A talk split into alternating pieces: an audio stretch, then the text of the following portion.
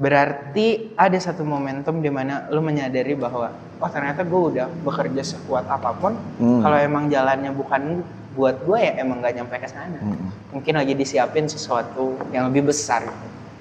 Yap. Bagaimana sih seorang Regi menyiasati kegagalan? Nah. Anjir. Anjir. Ini kayaknya pertama kali first ya gue buka di sini. Oke. Jadi itu dulu gue sangat sangat amat ingin tampil bang. Oke. Gue senang dengan popularitas. Fame tuh gue kejar habis-habisan. Kenapa? Karena industri kopi masih sangat eh, muda sekali. Belum banyak tokoh-tokoh di sana. Belum banyak nabi-nabi di sana. Oke. Nah, gue pengen jadi salah satu yang seperti itu. Kenapa gue bisa bilang, oh, oh gue punya kontribusi. Gue di coffee shop ternama dulu pernah. Tahu gue. Terus gue di ini, di itu, di itu gue punya basic mengajar. Iya, iya. Gue pernah bikin silabus untuk sekolah kopi. Iya. Gue pernah bangun media kopi, menjalani event kopi yang lumayan besar. Gitu. So sombong lah gue bahas. Sombong. Dan akhirnya ya ada satu kasus itu. Eh, ya itu yang ada di kepala gue waktu itu. Abisin jatah gagal lu mumpung lu masih muda. Oke. Nah, itu kan ngena banget di gue ya. Iya. 25 tahun. Wah, habis gue dihujat waktu itu. Oke. gue nggak mendendam, gitu, tapi gue nggak akan pernah lupa siapa-siapa aja yang mau ngepemacul kepala gue, mau memenjarakan gue, Oke. mau mengusut kasus gue. Dan sedihnya orang-orang yang ngomong ini adalah orang-orang yang dulu pernah gue highlight di media gue. Ah, damn bro. Iya ya, Gitu. paham. bro. Tapi gue bukan pengen kayak, anjing lu nggak tahu terima kasih gue nggak pengen. Oh, iya, iya. Akhirnya eh, ya kasus itu lumayan bikin orang rumah agak shock dan nangis ya gitu. Iya, pasti. Gue ngerasa kayak karena mereka bisa lihat komennya, karena Hmm. mereka dan sampai sekarang nggak pernah gue hapus. Siapa pun bisa ngelihat sampai sekarang. Gue nggak ngeliat ya, gue cuma lihat yang akhirnya lu Clarify. Iya, Itu itu kegagalan nih. segarang itu dulu. Apanya itu? Omongan Eh, yang sampai ke ya bagi yang netizen tahu sendiri lah Iya, iya. ya mereka kan nggak pernah lihat bagaimana perjalanan mereka cuma lihat ya momentum aja Iya, waktu iya, itu betul. nah setelah hancur itu gue tuh sampai sekarang ya Ya. eh, notif Instagram gue tuh nggak pernah gue nyalain Serius. sampai sekarang even gue jadi admin beberapa akun lah ya Iya, iya. nggak pernah gue aktifin setrauma itu bang jadi ada bunyi ting notif Instagram wah gue lemes meriang gitu Oke, keringat oke. dingin Lu jadi overthinking pusing kayaknya. gitu ya itu pak Eh, lumayan ya terserah orang mau bilang lebay Iya, iya, iya. intinya serangan dari sosmed tuh eh, sebegitu ngenaknya ternyata Oke. benar gitu. ya udah dari situ eh ya materi dan apa segala macemnya ya udah layak ikhlas lah. Iya, benar. itu masih dicari lagi. Kalau emang nama baik rusak ya ya udahlah itu konsekuensi dari Iya. gua juga. Jadi begitu gua kena kasus itu kan gua ngumpat pasti bang. Nah, pastilah. ya kan? Menyendiri dulu gua ngejauhin sosmed dulu. Padahal kayak anjing pekerjaan gua tuh dari sosmed gua nggak bisa Iya, iya, kayak iya. gitu lah begitu gue cabut gue udah nggak ngekos waktu itu. Eh, semua drop ya kan? Akhirnya gue baru tiga bulan di Bandung saat itu. Gue baru pindah banget. Anjing. semua drop semuanya. Akhirnya gue tinggal bareng sama apa ya kita bilang di sini yang jagain di wok lah gitu. Oke, oke. tidur sama mereka eh, nggak ya tidurnya di ruangan CCTV gitu ya pakai karpet pakai ini nggak pernah gue bener-bener Ini harta ya, gue yang gue ya? punya ya. Cuma baju yang gue bawa baju yang gue pakai satu motor peninggalan bokap di Bandung. Yang Vario. Vario. Oh, iya. Dakar. Iya. nah dari situ. Habis bang semuanya bang. Nggak punya apa lagi gue walaupun gue masih bisa mungkin ya namanya orang tua nggak pengen yang lihat anaknya susah. Iya, benar. sebenarnya bisa aja. Eh, pakai tombol Iya, help gitu ya. iya gitu tapi anjing gue gagal dong lagi di Iya, Bandung. baru pindah tiga bulan Iya. masa gue udah melambaikan tangan nah dari situ lo tau Bams yang beliin gue rokok dan makanan tiap hari itu OB di sini OB. iya Serius? serius dia jaga parkir beres jaga parkir dia bersih bersih dulu alhamdulillah masih rame ya jadi parkiran tuh 200 ribu masih dapat Oke. mau makan apa bang hari ini ini bang rokok. Isep aja nggak apa-apa kita bagi-bagi Sam- sampai selama masa itu mere- mereka yang bantuin gue dan satu hal yang harus gue eh, angkat ke permukaan ya. Semua teman-teman deket gue nelpon Bang. kenapa bisa kayak gitu? Butuh bantuan apa? Butuh pengacara nggak? Iya. semuanya gitu. Nggak usah ngapain dan yang gue salut lagi salah satu dari yang nelpon itu adalah orang-orang Bandung. Oke. ya. Udah nggak apa-apa nih buat pelajaran. Tapi lo nggak boleh berhenti nulis lagi. Iya. semuanya nelpon kayak gitu. Sampai ada salah satu eh, dedengkot lah ya di Bandung. Dia nelpon maafin ya sambutan di Bandungnya begini banget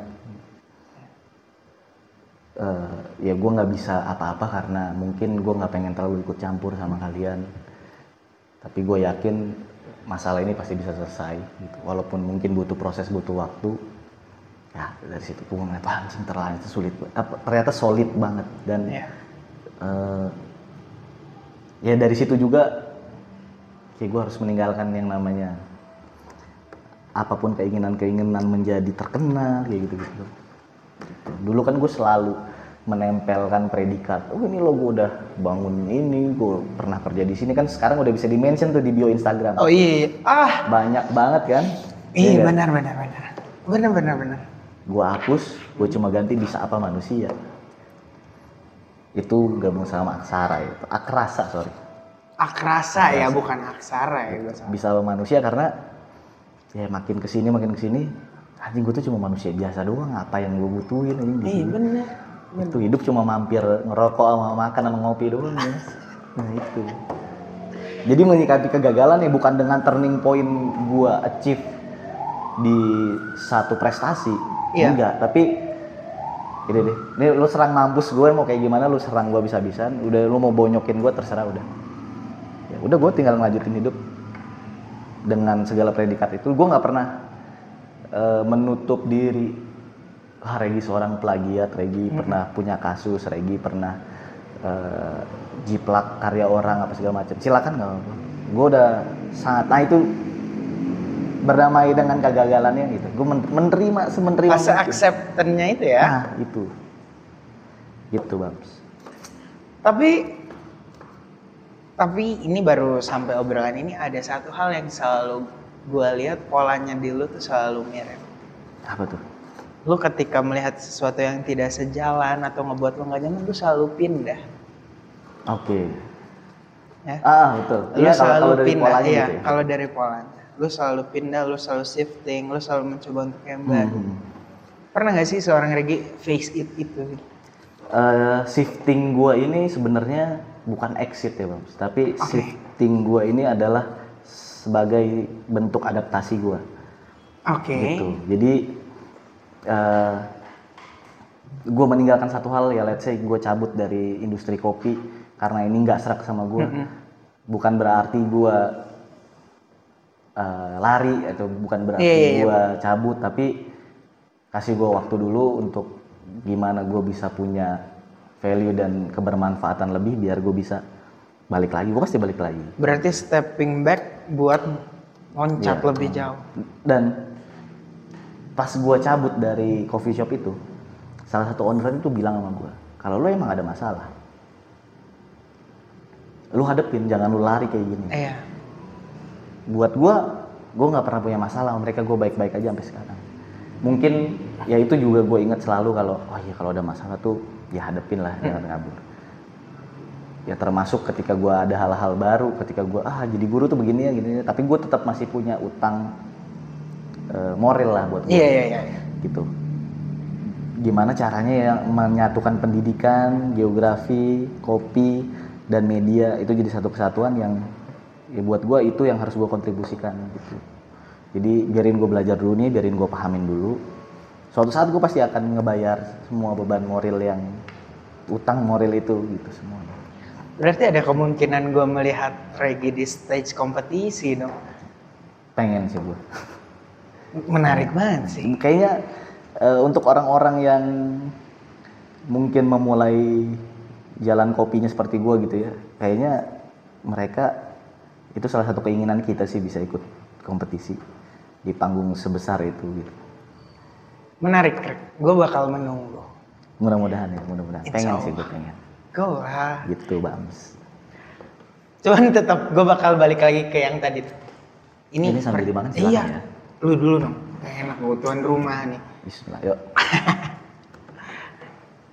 Menarik. Ketika akhirnya gue tahu how to face it gitu ya, benar Hmm. menyiasati kegagalan. Karena kalau dari gue sendiri, kemarin tuh kompetisi terakhir gue lumayan ngasih gue sesuatu. ah oke Oke. Gue yang mulai sebenarnya gue bakal bilang agak mirip nih kita nih Rek. hmm. Gue cuman butuh waktu 2 tahun untuk akhirnya alhamdulillah gue ada di posisi ini gitu. Hmm. Bukan tentang bagaimana orang kenal gue enggak. Hmm. Tapi gue selalu seneng yang asalnya gue cuma bisa berpikir komandan itu tuh grinder paling enak dan itu akhirnya jadi daily driver gue ketika nyeduh buat customer tuh kan anjing udah sampai sini lagi aja gitu Iya, ya iya, iya, iya. ke kegagalan gua kemarin itu ngasih gua sa ngasih gua kesadaran dari diri sendiri. oke Gue pindah dari coffee shop sebelumnya ke coffee shop yang sekarang gua kerja. Gue cuman butuh waktu dua bulan buat gua bawa piala tarkam. ya Terus di dua bulan selanjutnya gue bisa bawa piala tarkam lagi gitu. Dan ada kegede kepalaan gue yang kayak anjir kalau travel winner keren nih gue kayak apa. Tapi ternyata kan Tuhan ngasih jalan lain bahwa kayaknya kalau gue menang tuh gede banget ya kepala gue. Parah lah, ah iyalah parah lah. Iya. Gue udah nggak mau belajar lagi. Mo. jelas Cuman dari segala banyak hal minornya, hal pertama yang gue salahkan adalah diri gue sendiri pada saat itu.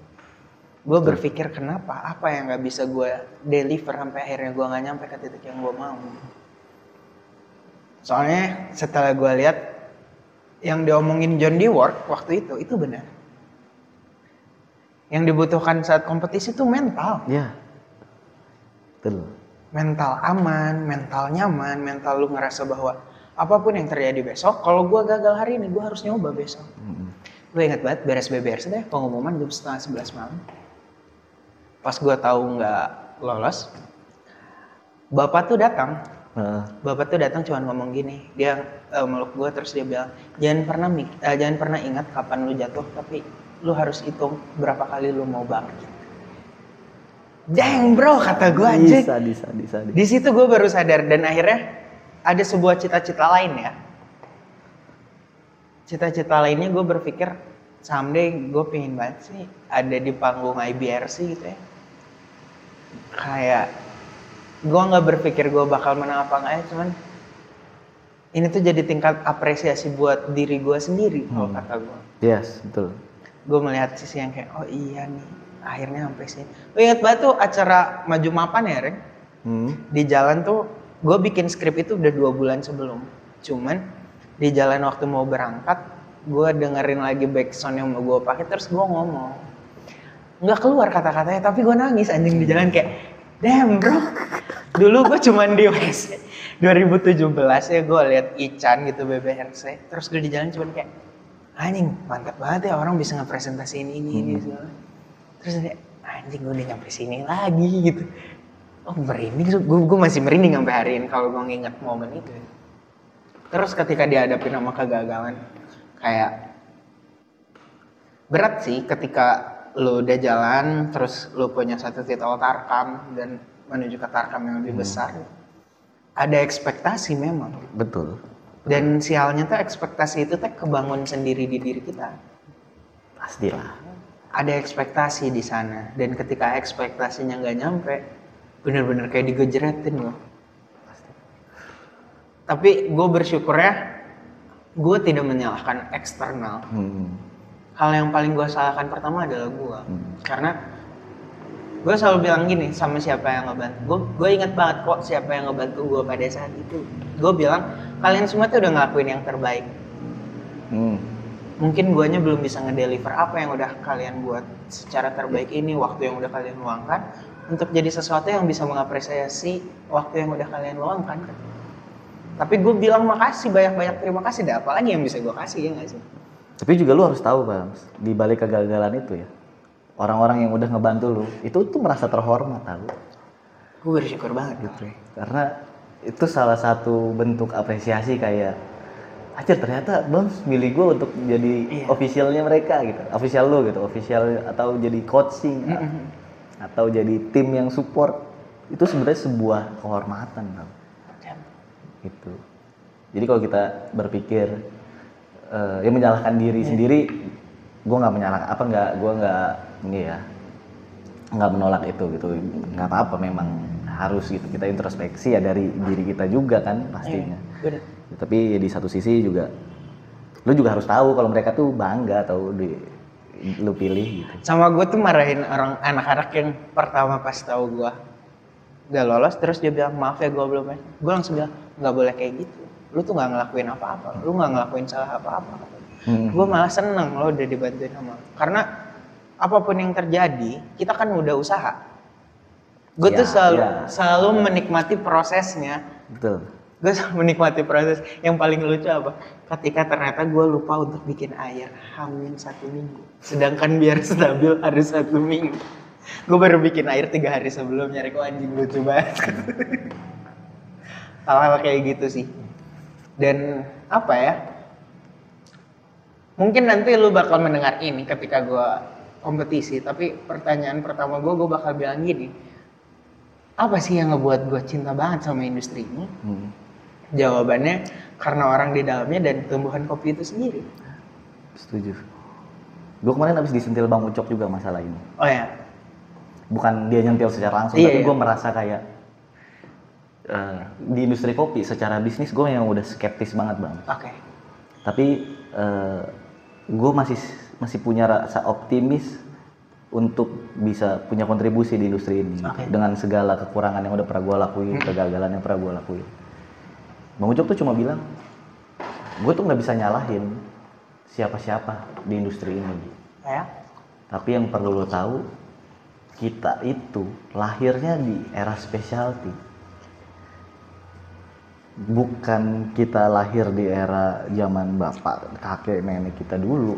Kita tuh lahir di era industri specialty yang memang kayak seolah-olah kita dititipin tanggung jawab untuk majuin industri ini secara nggak langsung. Oke. Nah, gue mikir langsung kayak, oke, kayak belum saatnya nih gue exit nih. Gitu. oh lu udah mulai ada kayak pikiran untuk Eh, exit exitnya tuh lebih ke yang ya itu ya karena anjing gue mau ngapain lagi sih di kopi gitu. Kayaknya udah eh gue udah coba untuk lari lagi nih. Ternyata ini masih gini-gini aja kayaknya gue nggak kayak bukan kapasitas gue deh kayaknya udah mikir-mikir gitu lah. Pesimistik banget lah. Tuh tapi bang Ucok nggak secara nggak langsung kayak anjing iya gue kayaknya kayaknya bener nih. Kayaknya masih dan itu yang kayak gue nggak akan exit kayaknya. Berarti secara nggak langsung specialty itu it's all about etika nggak sih Sal? Oh sangat Attitude is number one ya. sangat bang sangat. Karena traceability itu tetap jadi kasta tertinggi ya sih harusnya. Em, traceability ya mungkin sekarang udah banyak dilupain kayaknya bang Iya. ini kan ujung-ujungnya masalah kita appreciate semua stakeholder kan Iya.